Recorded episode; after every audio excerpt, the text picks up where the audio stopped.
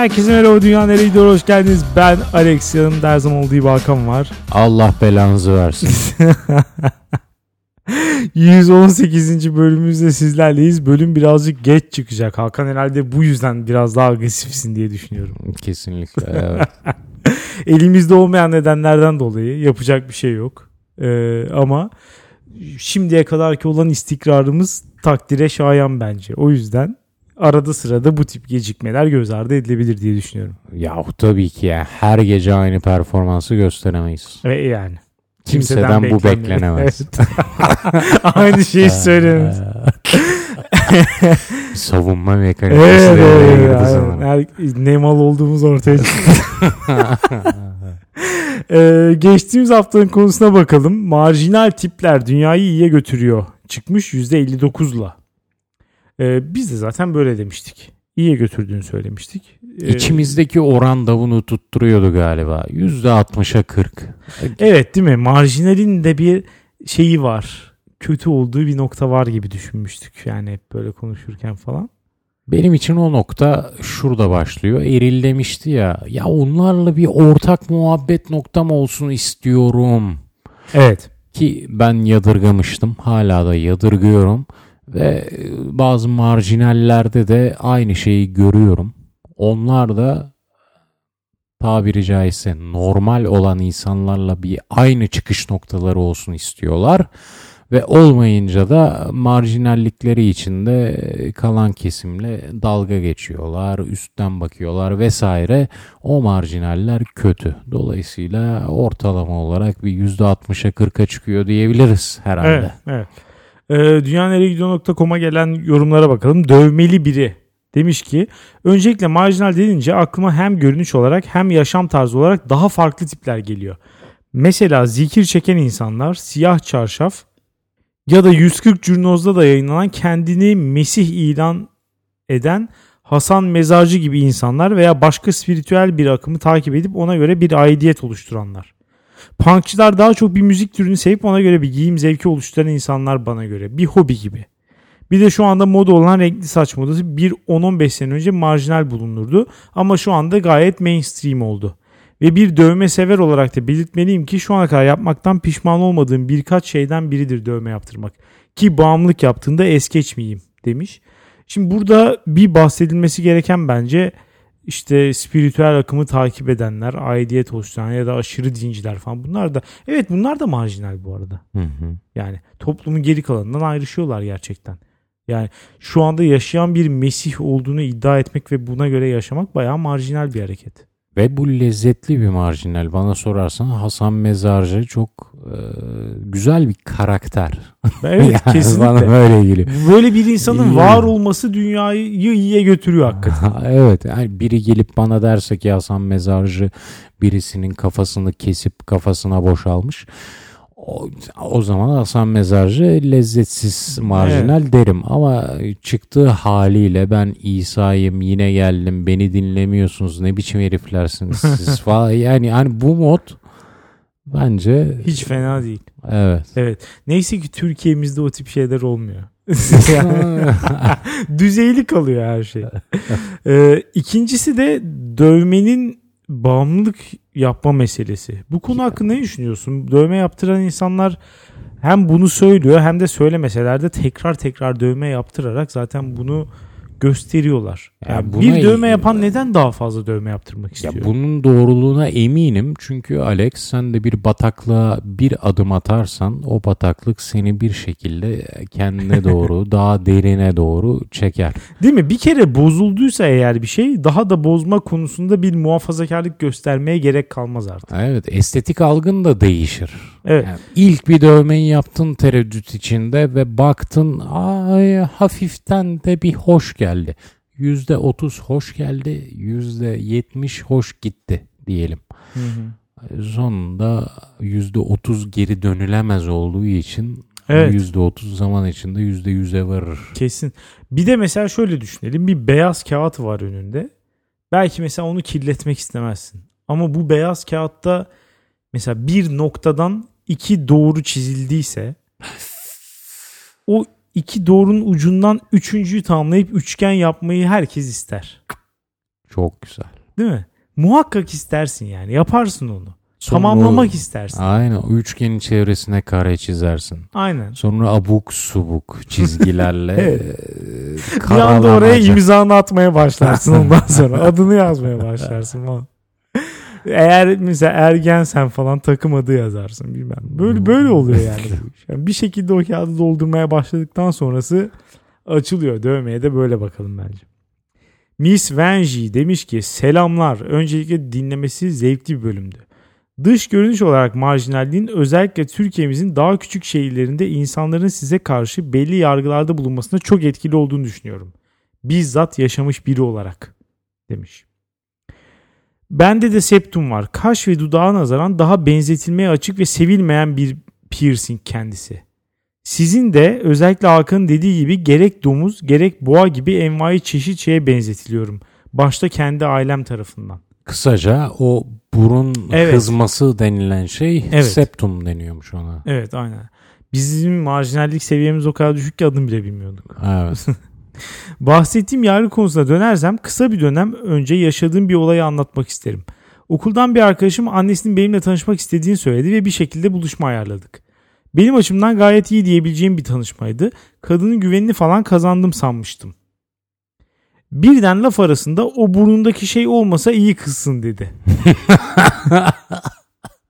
Tebrik ediyorum buradan anneyi. Yani Evet. hakikaten hakikaten iyi bir yorum. O an bir piercingin bana ne gibi bir kötü özellik katabileceğini düşündüm ve dış görünüşün aslında algımızda önemli bir katkısı olduğunu daha bir anladım. Ama buna rağmen tarzımdan ödün vermedim. Kendime yakıştırıyordum çünkü.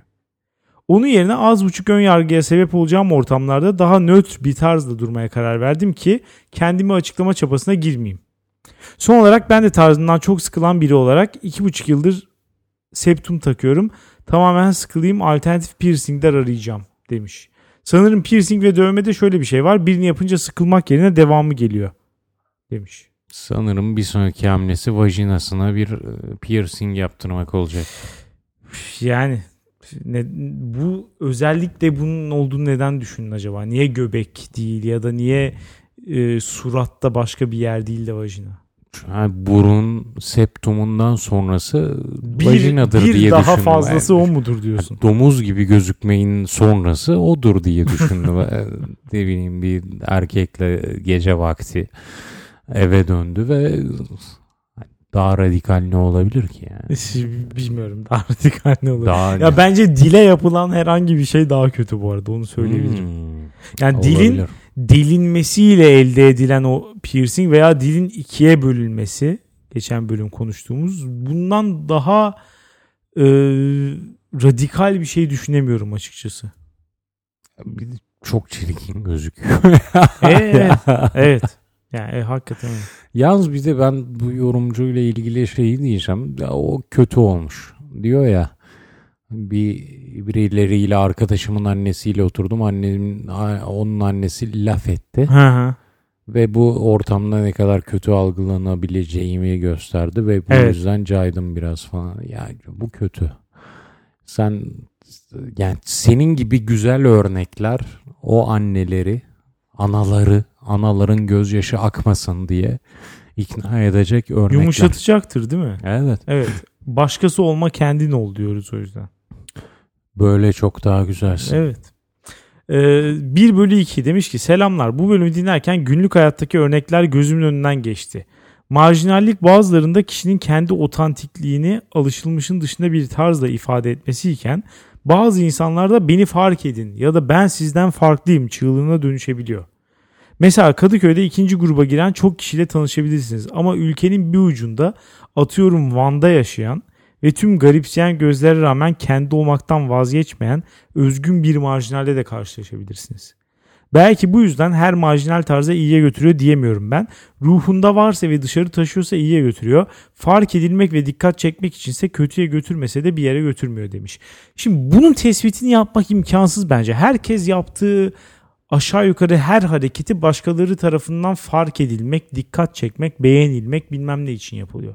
Hı hı. Yani dolayısıyla işte kendini özgün bir şekilde ifade etmek için piercing takmak ya da insanlar bana baksın diye piercing takmak. Bu ikisi birbirinden çok ayrı şeyler değil aslında düşündüğü kadar. Kesinlikle katılıyorum ve söyleyeceğim şudur. Marjinal taraflara uyguladığımız standartlar hep daha çıtası yüksek oluyor. Evet. Bu çok büyük problem. Mesela bir insan aptal olabilir ama kendini estetik olarak gösterme açısından marjinal olabilir. Neden bu insana sıradan düz bir insana sormayacağımız soruları sorup cevabını alamadığımızda yahu sen sırf ilgi çekmek için yapıyorsun diyoruz. Bu Evet. üzücü bir şey. Evet doğru. Yani Bunu hesaba katmamız lazım marjinallere bakış açımızda. Evet eğer bir kişinin görüntüsü sıradan değilse o daha yüksek standartlara tabi tutuluyor. Bu kesinlikle doğru bir tespit bence. Evet. Bu Öyle bir de mesela- hayatın her alanında mevcut. Mesela e, en basitinden sevdiğim bir şey bu mesela e, örnek. Futbolcularda bile bu var. Mesela adam gayet normal gözüken diyelim ki işte 3 numara saç, 5 numara saç ya da herhangi bir hayatta sokakta görebileceğin herhangi biri gibi bir saçı varsa kötü oynaması işte sadece kötü oynaması üzerinden değerlendiriliyor. Ama mesela adam rastalıysa kötü oynaması bir anda şuna dönüşüyor. Ulan saçına bak saçını sikeyim. Önce normal topunu oyna da ondan sonra bunları yap falan. Sanki herifin o kuaföre gittiği o bir saat bütün futbol hayatını etkiliyormuş gibi davranılmaya başlıyor bir anda. Ya da işte tipe bak saçını boyamış falan mesela mavi saçlı futbolcu falan. Ya otomatikman bir şeye dönüşüyor. Bir şımarıklık. Hani eğer işinde çok iyi değilsen bir de üstüne böyle gözükemezsin. Evet. Değil mi? Halbuki o Rastalı senede 45 gol atsa liginde. o, O zaman da Rastalı- ekstra seviliyor değil mi? Wow. Ya adam sıra dışı ya. Evet. evet doğru. Biraz iki tarafa doğru da abarttırıyor kendini. Marjinal gözükmek. Yani iyiysen olduğundan da iyi gösteriyor ama kötüysen de maalesef her şeyin tartışmaya açılıyor. Yani onur, gurur ve şeref dahil her şeyin bir anda tartışmaya açılıyor. O yüzden biz sıradan insanlar marjinalleri değerlendirirken bu yanılgıya daha fazla dikkat Evet etmeliyiz. evet aynen öyle. Aklım almıyor demiş ki normal insanların marjinal tiplerle sohbet edemeyeceğine inanmıyorum. Örneğin Hayko Cepkin, Athena Gökhan görece marjinal tipler ama baktığınızda gayet mülayim, tatlı ve komik tipler. Marjinaller iyiye götürüyor çünkü hepimiz farklıyız ve varız gerçeğini gözümüze sokuyorlar. Bu da her zaman değişim ve gelişimi getiriyor. Ki bu insanlar genelde genel geçer kalıp yargılara sahip olmadığı için daha geniş açılı düşünme kapasitesine sahip insanlar oluyor. Bu da iletişim kurmayı daha kolay ve eğlenceli hale getiriyor. İlk kısmına katılıyorum. Şeye Evet. mi? Hayko Cepkin ve Gökhan Özoğuz muydu? Evet. E, Athena'nın şeyiyle arkadaş olduğuna katılıyorsun yani. Ya düz O onlarla Tanıyormuş gibi konuşuyor. ya düz onlarla da muhabbet edilebilir ya da işte on, bu, bu kişiler özelinde örnek vermeye gerek yok ama böyle giyinen insanlarla da arkadaş ol- olunabilir bence de. İlle şey değil yani. Ee, özellikle Türkiye'de bu arada bence bu böyle. Çünkü insanlar Türkiye'de ailelerinden, büyüdükleri ortamdan falan kopmakta ciddi sıkıntı çekiyorlar. Mesela Hmm. örneğin Amerika'da bu böyle değil. Bu kılık kıyafette veya bu hayat tarzında bir insan e, çocukluğundan tamamen kopup farklı bir ortama girebiliyor. Dolayısıyla dışarıda bu adamı gördüğün zaman da onunla hakikaten muhabbet edemeyebilirsin. Çünkü artık o e, hayatın o kısmından kopmuş tamamen. Ortak pek bir şeyiniz kalmamış. Belli bir komünite içinde hakikaten orada yaşıyor. Türkiye'de bu o kadar fazla yok ne olursa olsun. Yani mesela Haklısın. herkes bayramda el öpmeye gidiyor örneğin. Haklısın ve Amerika'nın güzelliği bu. ya işte yani bazı açılardan hakikaten bu daha güzel. Bazı açılardan da belki daha kötü olabilir. Herkesin bir ortak paydası olması da bazen iyi bir şey olabiliyor bence. Ne açıdan güzel olduğunu söyleyeyim sana. Küçükken Red Alert oynamışındır belki. Tabii. Red Alert'ta e, bir örümceğin olurdu ve bütün harita başta kapalıyken o örümceği salardın ve o örümcek haritayı açardı. Marjinaller işte o örümcekler. O haritayı açan. Dünyanın tüm haritasını bize gösteren. Evet. Nerelerin de var olduğunu bizim yaşayışımız haricinde gösteren insanlar. Amerika'da buna en çok izin veren e, yaşayış biçimi diyeceğim. Ülke demeyeceğim. Evet. O bakımdan güzel. Evet bu kısmına katılıyorum ama son kısmına açıkçası katılamayacağım. Gidiyor örümcek el öpüyor. Böyle şey mi olur yani? Olur canım neden olmasın.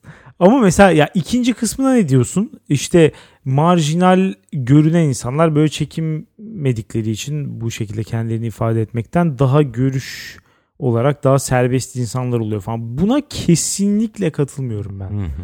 Yani görünüş olarak marjinal insanlar gayet muhafazakar düşüncelere sahip olabiliyor. Kesinlikle. Nitekim sen demedin mi zaten başında bir tarikata üye bir insan. Evet o da marjinaldir tabii. Evet. Evet.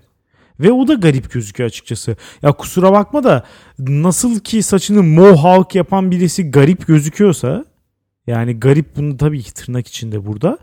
Aynı şekilde kafasını kazıyıp sakalını santimetrelerce uzatıp kafaya bir şey takıp cübbeyle dolaşan bir adam da garip gözüküyor Tabii aynı ya, şekilde. ya yani. ben bir gün işten dönüyorum.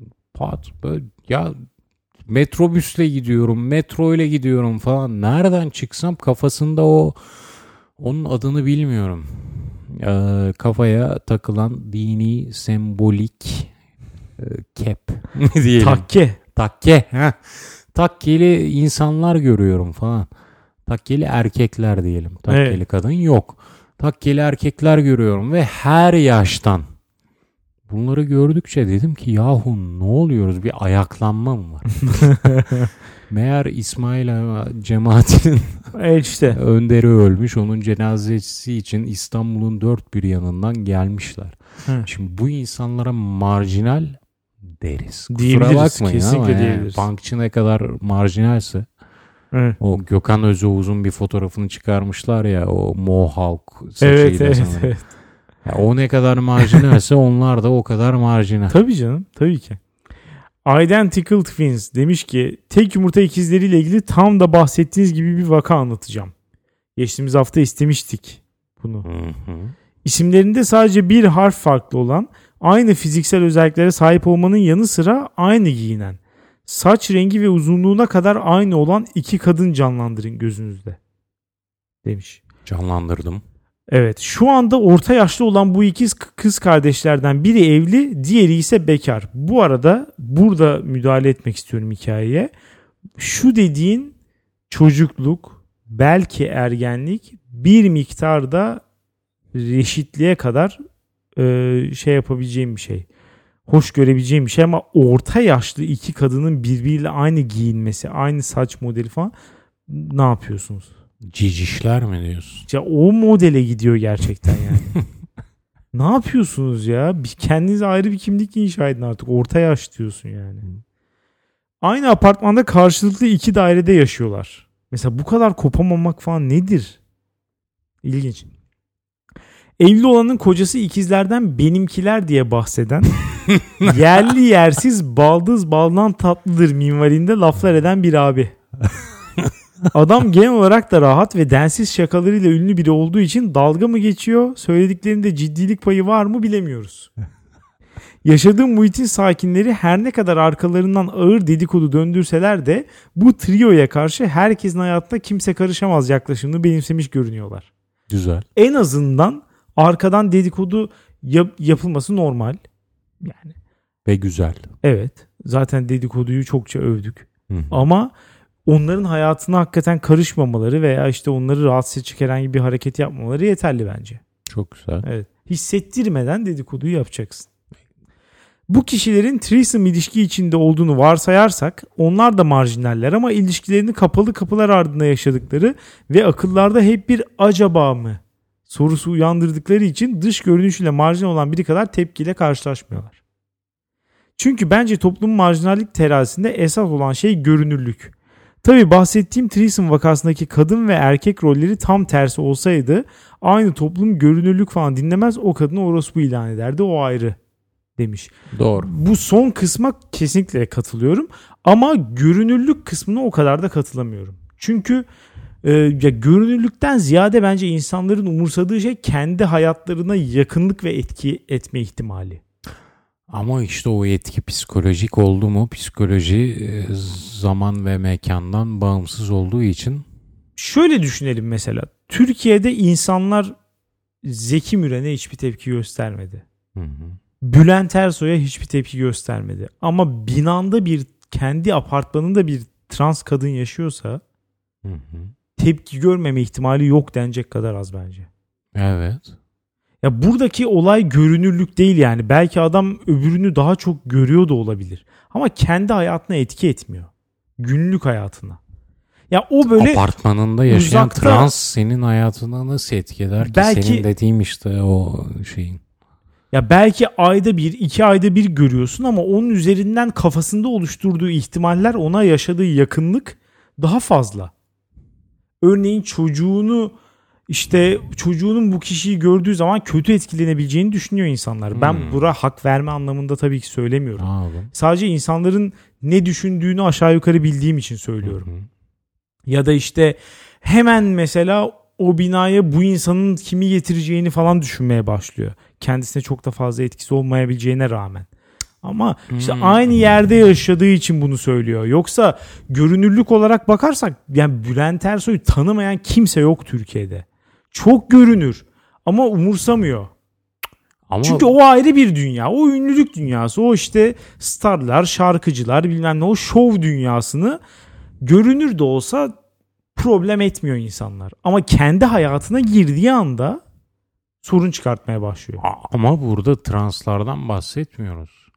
Bir kadın senin apartmanında yaşıyor, kocası var ve kocasının ikizi var. Birebir tıpatıp benzeyen ve o kadın diyor ki ya bizim enişte de baldan tatlıdır falan. Aynı apartman hayatını çiziyorum. Tek farkı kadınla erkek yer değiştirdi. Burada e, anladığım kadarıyla yani bu yorumcunun söylediği kadarıyla o adam öyle nasıl diyelim yavşak ifadeler kullanıyor ki bir kadın kullansa evet Kadın erkek Klasik. katılıyorum zaten. klasik apartman dairesi o kadına orospu damgasını vurur. Evet. O kısmı da ben Ama de kesinlikle katılıyorum. O adama vay be cicişleri toplamış. Aynen. Ya övgüyle bile karşılanır bu açıkçası. Bu üzücü olmakla beraber o adam bu programa konuk gelmesi sağlanırsa ben yorumcuya buradan istediğini yapacağım. Ödül veriyoruz. Açık çek. İstediğini yapacağım. O adamı programa getirelim çünkü o kafayı çok merak ediyorum. Jane Lane demiş ki ben de görünen yerlerinde dövmeleri olan piercing takan biriyim. Bir süredir sıkıldığım için çıkarmış olsam da demiş. Ben kendimi marjinal gibi görmememe rağmen çalıştığım şirketteki insanlar arkadaşlarım vesaire marjinal etiketini yapıştırmıştı. Azıcık sanat seviyor olmanız bile yetiyor aslında marjinal etiketi yemeye ve kişinin kendisinden çok çevresi yapıyor bunu. E tabi canım yani nerede yaşadığına bağlı tamamen. Bu, ne bileyim yani işte küçük bir şehirde marjinal olarak addedilen bir şey İstanbul'da gayet normal olabilir. Hı hı. Ee, insan marjinal hissedeceği yoksa bile öyle hissettiriyorlar. Halbuki diğerlerinin marjinal olarak lanse ettiği insanların sadece yemek sepeti geçmişine baksak bir Anadolu çocuğu çıkacak ortaya bunu unutuyorlar demiş. ne söylüyor acaba yemek sepetinden? Anadolu çocuğu olarak ilan edilmek için yemek sepetinden ne söylemek gerekir? Adana kebap. Değil mi? İşte kebap, döner, işte tavuk pilav falan öyle bir şeyler mi söylüyor acaba? Değil mi? Mantı Anadolu şu ilk aklına gelmedi değil mi? Gelmez. Aslında çok Anadolu yemeğidir yani. Zaten en mesela mantısıyla meşhur Kayseri falan Evet. dersin. Ama yine de ilk anda bir mantı gelmez aklına evet. Ya. Evet. Ya yemekler arasında bu hiyerarşinin sebebi nedir bu arada? Neye göre sınıflandırıyoruz? O çok ayrı yani. Yoksa mesela ne bileyim Anadolu'da da mesela hepsinden çok pizza yeniyordur diye tahmin ediyorum. Cidden mi? Ya- Yani zincir pizzalar bence yine de e, yemek sepetinin acaba böyle bir istatistiği var mı ya? Şu an çok merak ettim. Hangi şehirde en çok ne söyleniyor? Bir ara Kendi mesela tuttukları vardır kesin ama bize Aç. yaymazlar. bize yaysınlar ama. Ama o kadar şey yapıyoruz. Reklamını Aa, yapıyoruz. Ben Anadolu'da o kadar pizza söylendiğini düşünmüyorum. Ya ben neredeyse emin gibiyim. Mesela şey vardı bir tane. e, oradan geleceğim buraya. Androidliler ve iPhone'cuları yayınlamıştı Yemek Sepeti. En çok ne söylüyorlar? Hı. İşte orada mesela Androidciler daha çok döner söylüyordu yanlış hatırlamıyorsam. iPhone'cular da hamburger söylüyordu. Aa, ya bu ne, bu nasıl bir istatistik?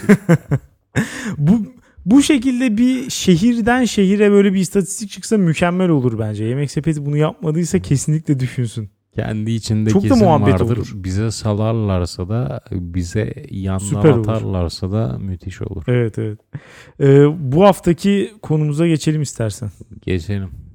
Konumuz mu var bu hafta? Olmaz olur mu? Her ne kadar şimdiden bayağı bir konuşmuş olsak da. İnsanlar üstüne- kapamış olsa da. Evet belki de. Ey kapayanlar. Allah belanızı versin. Evet devam Her ne kadar Alex. bunu duymayacak olsalar da Evet. kapattıkları için. Yani kapamayanların da versin. Devam edebiliriz. Ee, ya şunu konuşmak istiyorum. Tutarlılık mevzusu. Tutarlılık veya işte tutarsız olmak dünyayı nereye götürüyor? Bunu konuşmak istiyorum. Özellikle de bu tutarlı olmak, tutarsız olmak mevzusunun internet ve sosyal medya profillerinin ortaya çıkışından sonra aldığı artık sapıkça hal demek istiyorum. Hmm. Bunun Hep tutarsızlık ve internet tutarsızlığımızı daha görünür hale getirdi. Dolayısıyla üstümüze gelmeyin mi demek istiyorsun? Ya bir miktar evet. Yani şöyle söyleyelim. Eskiden tutarsız olmak bir miktar daha kolaydı. Hı hı. En azından sıradan insanlar için. Çünkü ya işte ünlüysen, siyasetçiysen falan her zaman işte söylediklerin kayıt altına alınıyor medya tarafından ve daha sonra senin önüne çıkartıp koyabiliyorlar ne söylediğini ama sıradan insanların söyledikleri bir hafıza sadece. Hafızaya dayanıyor. Hafızanın da ne kadar oynak bir şey olduğunu daha önce de konuştuk yani. Hı. Hafıza bize oyunlar oynayabilen bir mekanizma. Evet. Dolayısıyla asla emin olamıyoruz. Bir de iki kişi karşıya karşı karşıya geldiği zaman biri öyle biri de böyle hatırlıyorsa buradan bir sonuç çıkmıyor genelde. Ortada kalıyor en Evet. güzeli. Evet aynen. Herkes kendi hatırladığına inanmaya devam ediyor. Belirli bir şüpheyle birlikte. Ee, ki hakikaten güzel de bir durum yani. Belirli bir şüphe Evet. bütün zihni faaliyetlerdeki e, en değerli. Olmazsa olmazımız ya değil mi? gidip eczaneye D vitamini alacağına belli konularda biraz şüphe al. Daha faydalı gelecektir sana. Kesinlikle. Ee, buna da geleceğim bu arada. İnsanların e, düşündükleri şeylerden veya pozisyonlarından şüphe duyması ama şimdilik başlarken şunu söylemek istiyorum. Ee, hiç olmadığı kadar bence insanlık tarihinde belki hiç olmadığı kadar tutarlılığın önemli olduğu ve bir erdem olarak görüldüğü bir şeyde yaşıyoruz. Çağda yaşıyoruz. Hı hı. Çünkü her sıradan insan şu an bir noktada hayatının bir noktasında belirlemiş olduğu işte bir şekilde dile getirmiş ve o yazılı olarak bu sosyal medya kaynaklarından bir tanesine kayıt altına almış olduğu e, düşüncelerinle sınava sokuluyor. Onlara tabi tutuluyor. Hı. Bu bence ciddi bir problem. Evet. Yani en basitinden şu yüzden bir problem. İnsanların hayatları boyunca mesela geçtiğimiz hafta mı ondan önceki hafta mı konuştuk bunu? İşte şöyle bir şey demiştik ya mesela 18 yaşından bugüne baktığın zaman değişmeyen düşüncen var mı? Veya işte düşündüğün için kendine geri dönüp gülmediğin bir fikir var mı? Zor. Değil mi? Bulması zor. Yani durum böyleyken kendinde böyle olduğunu biliyorken başkasına bir tutarlılığın erdem olduğunu nasıl söyleyebilirsin? Saldırabilirsin. Ev genelde hakikaten böyle kullanılıyor. Yani bir tartışma kazanmak için mesela. Yani işte bu çok meşhur ad hominem şeyiyle, taktiğiyle. Yani işte tartışmayla alakası olmayan bir şekilde sen o zaman bunu demiştin, bu zaman bunu demişsin falan gibi bir şey çıkartılıyor. Ortaya. O zaman ya şunu söyleyebiliriz bence. Tam anlamıyla tutarlılık bir silah haline geldi. O, Evet. Çünkü o silah evet düşmanını da öldürebilir. Düşmanını öldürür. Fakat seni de öldürür. Eğer kafana alıp sıkarsan sen bir kendi geçmişinde bir yolculuğa çıkarsan o seni de öldürür. Tabii o kısmına hiç girmiyor genelde insanlar. Daha çok karşılarındaki insanları e, tutarsızlıkla vurmaya çalışıyorlar. Ama Ah. ya halbuki iyi bir şey değil mi bu? Yani bir insan samimi olarak 2011'de başka bir şey düşünmüş ve söylemiş. Sonra da bunu silmeden hayatından 2019'da da başka bir şey düşünüyor olamaz mı? 2011'de düşündüğü şeyden belki pişmanlık duyarak, belki hani ille bence pişmanlık duymasına da gerek yok. O zaman öyle düşünüyordum. Şimdi de böyle düşünüyorum. Ne var bunda ya? Hatta bu iyi bir şey bence. Bu söylediğinin altına imzamı atarım. Fakat nedense içimizde şu var.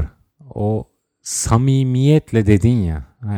O, o kelime ya, o, ya hepimizi çileden çıkarıyor ya.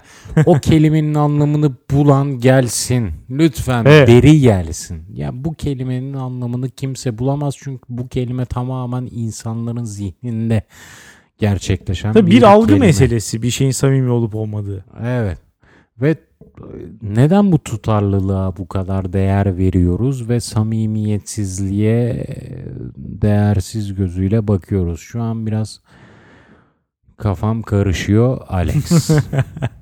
Ya bence burada sınırı mesela şundan falan çekebiliriz. Eğer bir insan hani zırt zırt belki mesela 10 sene içinde 20 kere fikir değiştiriyorsa hani her gün başka bir şey söylüyorsa çok daha hani derinle bambaşka bir problemle karşı karşıyayız. Samimiyetsizlik Ya evet. vereceksin. Ya yalancılık olabilir, ruh hastalığı olabilir Hmm. belli bir yani Hmm. ne bileyim bir işte mitomani falan olabilir. Yani bir sürü şey olabilir orada artık. Ha işte ben de bunu diyecektim. Neden tutarlılığa bu kadar değer veriyoruz? Bu adeta DNA'mıza işlemiş.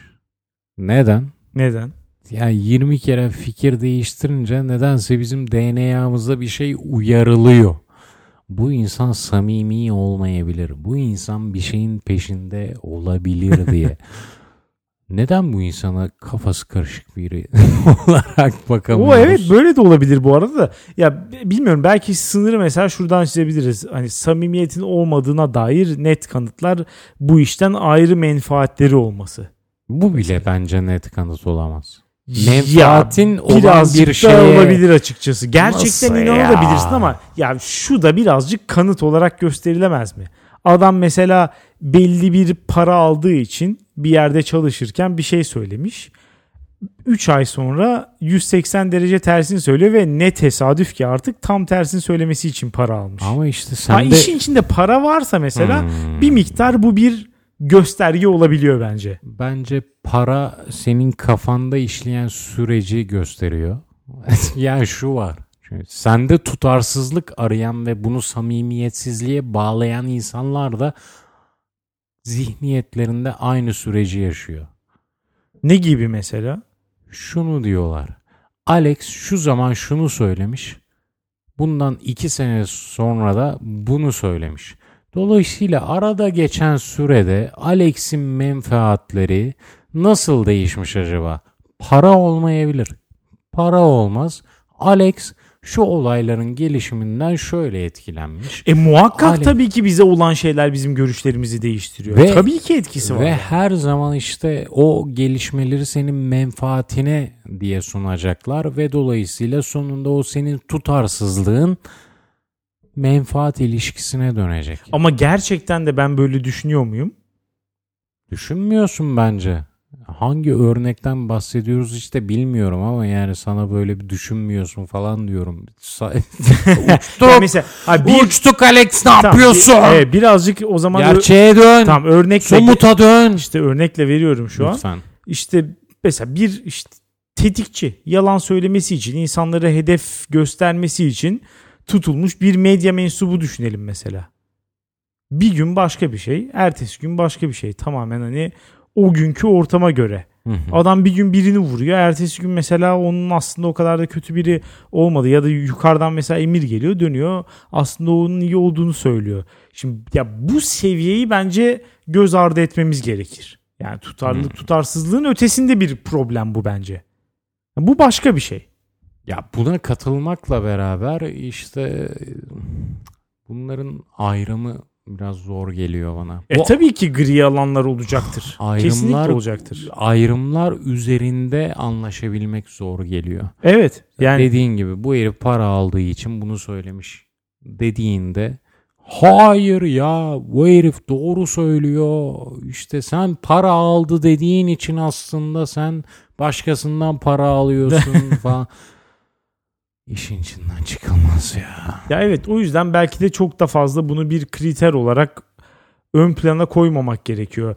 Biraz da mesela insanların kendilerini de kötü etkileyen bir şey. Çünkü işte etrafındaki insanları ne kadar bu sınava tabi tutarsan birazcık aslında kendini de böyle yavaş yavaş değerlendirmeye başlıyorsun. Bu, tef- bu sefer de şöyle bir problem oluyor. Ee, etrafta hata yapmaktan ciddi bir şekilde korkan Hı hı. Ondan sonra haksız çıkmak en büyük kabusu haline gelen Hı hı. ve de işte dolayısıyla düşüncelerini çok büyük kesinlikle e, ifade eden, başa dönmek gerekirse kafalarında bir düşünce ifade ederken herhangi bir şüphe bulunmayan, çünkü bir şüphe bulunması ileride bir tutarsızlığa da kapı açıyor. Hı hı. İnsanlar çıktı ortaya. Bu insanlar da e, kendilerini ifade ediyorlar mesela sosyal medyada ve de e, sonra da bu sözlerinin esiri oluyorlar. Bunu mesela çok fazla görüyorum etrafta. Ya adam aslında belki o kadar da fazla düşünmediği bir şey bir kere ağzından çıktığı için ve bundan geri dönmek çok rezil bir hareket olduğunu düşündüğü için hem haksız çıkmamak için götünü yırtıyor bir yandan hem de sonraki hareketlerini de mesela buna göre düzenliyor ve giderek radikalize oluyor. Ya bu çok garip bir süreç aslında ama o kadar yaygın ki ya bu gariplik o kadar yaygın ki her gün hayretle izliyorum insanları. Mesela yine çok basit bir örnek olduğu için futboldan örnek vereceğim. Adam bir takımı tutuyor. Tamam mı? Daha sonra bir maç izlerken bir oyuncuya kuruluyor. Tamam, kötü oynadığını düşünüyor oyuncunun o sırada. Ve bu oyuncunun işe yaramaz olduğuna dair bir tweet atıyor. Tamam mı? Nedense aklıma Arif Erdem geldi. Devam edelim. Evet. Öyle diyelim mesela. Arif de Arif de topçu değil diye tweet atıyor tamam mı? Bir yani o zaman Twitter yoktu ama işte örnek. Arif de topçu değil Galatasaray'a yakışmıyor diyor mesela tamam mı? Daha sonraki haftalarda Arif mesela iki gol atıyor. Bir sonraki hafta iki tane daha atıyor. Bir sonraki hafta bir tane daha atıyor. Bu kişi haksız çıkmamanın vereceği yani mesela takım tutmanın ne kadar işte fanatiklik mesela konuştuk ya geçtiğimiz bölümlerden bir tanesinde. Evet. O kadar irrasyonel insanların hayvan gibi bağlandığı hiçbir şey düşünmeden bağlandığı bu olay bir tek şeyle sarsılıyor. O da kendi sözlerinin esiri olmak. Adam sırf bunu söylediği için bu kişinin gollerine sevinemez hale geliyor mesela. Yani yeter ki kendi haklı çıkartacak bir şey olsun. Her şeyi onun önüne koyuyor. Çünkü geri almak istemiyor bu sözünü. Yani şunu söylemek istemiyor. Ya bu adam kötü oynadığı için ben gaza geldim o gün. Aslında geri dönüp bakınca o kadar da faydasız bir adam değil. Oynadığı zaman da bazen çok iyi oynuyor. Dememek için o kadar yollar gidiyor ki. Yani sürekli bir kumarbaz gibi iki katını yatırıyor, iki katını yatırıyor, iki katını yatırıyor. En sonunda artık kocaman bir şey haline geliyor bu. Dolayısıyla artık bu adam bir işte Arif Erdem nefretçisi olarak ortaya çıkıyor. O kadar hani her seferinde iki katını yatırdı ki kaybedecek şey inanılmaz arttı. Öncelikle şunu diyeyim. Arif Erdem için bunu söyleyemem. Arif Erdem nefretçileri haklıdır. Ee, Geçmişlerinde tutarlılık olsa da tutarsızlık Olmaz olsa olur. da haklıdır. Çünkü Evet, belki örneği yanlış vermiş olabiliriz. Bu ayrı bir konu. evet. Şimdi şuna gelelim. Dil bilimciler acaba bu konuda ne düşünüyor diye düşünüyorum. Nereden geldi dersen aklıma. Türkçe'de bir deyim vardır ya tükürdüğünü yalamak. evet. Bizim kültürde bence biz tükürmek yerine balgam atıyoruz. Dolayısıyla yalaması da daha zor oluyor. Evet. Böyle bir kültüre sahibiz. İddia ediyorum bu tükürdüğünü yalamak deyimi daha batılı, daha batılı kültürlerde hatta İskandinavlarla Güney Amerikalılar falan karşılaştırılabilir vesaire. Batıyı da içinde ayırabiliriz. bir karşılaştıralım ya. Var mı böyle bir terim? Çok da iğrenç bir metafor bu arada değil mi? Çok Evet. ağır bir şey yani gerçekten. Evet. Çünkü yani küçükken 10 yaşındayken birinin sana tükürdüğünü mü yalıyorsun la dediğini düşünebiliyor musun? Evet asla yalamıyorum bunu söyledi yani. As- asla böyle bir şey yapmam. Yani yapışır sana. Bu acaba bizim kültürde ayrıca yer eden tükürdüğünün yalama olayı mı? Ve iddia ediyorum Türkiye'de herkes tükürdüğünü yalamıyor gerekirse. Evet. Attığı balgamı yalamak zorunda kalıyor ve o da bin katı zor oluyor. Ya hareketleri ve pratikleriyle belki evet ama o şeyi de korumak için, o görüntüyü korumak için de asla yapmıyormuş gibi de gözükmeye çalışıyorlar. Bu da mesela ekstra bir komiklik yaratıyor. Daha da garip bir hale geliyor yani. Adam mesela hakikaten hani balgam üstüne balgam atıyor. Üstüne hepsini yalayıp yutuyor. Ama bir yandan da hani hiç tenezzül etmiyormuş gibi gözükmeye çalışıyor falan.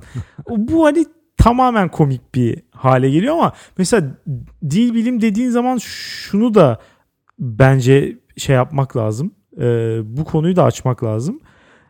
İnsanlar çoğu zaman hani düşündüklerini yani normal süreç nedir? Bir şey düşünürsün sonra da onu ifade edersin. Hı. Değil mi? Böyle gelişir. Önce düşünce sonra ifade. Ama birçok zaman da ifadelerinin esiri oluyorlar. Hı. Söyledikleri şeyi düşünmeye başlıyorlar. Mesela burada da aslında tutarlılık çok önemli bir şey. Yani buna zorunda olmadığını düşünse adam böyle söyledim ama ben bunu her an değiştirebilirim. Fikri onda ya aslında bu değişikliğin bir erdem olduğunu, her an onu geri alabilmenin iyi bir şey olduğunu düşünse belki hem bu kadar kesin ifadelerde bulunmayacak hem de hasbel kadar ifade ettiği bir şeyi te, böyle sırtına yük olarak almayacak yani ben ya birçok şey mesela burada konuşurken bazen de gelişine konuşuyoruz değil mi? Açık söyleyeyim. Şimdi bölümü kaydediyoruz. Ben sonra gidiyorum onu editliyorum değil mi? Tekrar dinliyorum bölümü bir saat sonra. Sadece bir saat. yani bir saat sonra dinlerken şöyle diyorum bazen. Ulan amma aptalca bir şey söylemiş. Ya bunu da niye söyledim ki? O an ateşiyle söyleyiveriyorsun. Ha, bazen mesela abartmak için söylüyorum. Bazen kendini daha iyi ifade etmek için o kadar da inanmadığın bir şey falan da söyleyebiliyorsun. Çünkü konuşmak böyle bir şey. Yani. Ya bunun için güzel bir deyimimiz var. Söz uçar, yazı kalır. Evet, Söz aynen. uçuyor yani böyle Evet. bir şeyi var. Söz uçuculuğunu sadece bir sonraki nesiller görmeyecek, dinlemeyecek falan olarak anlamayalım. Söz uçuyor daha enerjik yani. Evet, evet. Bir anda o enerjiyle atmosfere varabilir. Çünkü o anda. Yükseliyor. Evet yazıyı Evet. düşünerek yani belirli bir düşünce sürecinin sonunda artık hani kağıda e, aktarıyorsun. Bir de üstüne hani yayınlamadan önce şeyler var. E, Hmm. Tekrar üzerine oynama ihtimallerin falan var. Şimdi biz burada kaydediyoruz. Benim en fazla yapabileceğim şey sonrasında bazı yerleri çıkartmak. Değiştiremem ama. Yani bir şeyleri söylediysen onları söyledin. Şimdi 50 dakika kaydettiğimiz bölümde yarım saat olarak yayınlayamayız yani. Dolayısıyla sözümüz uçuyor ve gidiyor gerçekten yani. Bu uçan sözler kulağınıza belki bir küpe olur. Ve o küpeler umarım takma olur. umarım bir gün çıkarıp atabilirsiniz. Evet, tünel Umarım- olmasın değil mi? Aa, evet. O kulaklar delinmesin. Kalıcı iz bırakmasın. Bunun dileğiyle bu podcast bölümümüze de veda edebilir miyiz Alex? Edebiliriz tabii ki. Neden olmasın?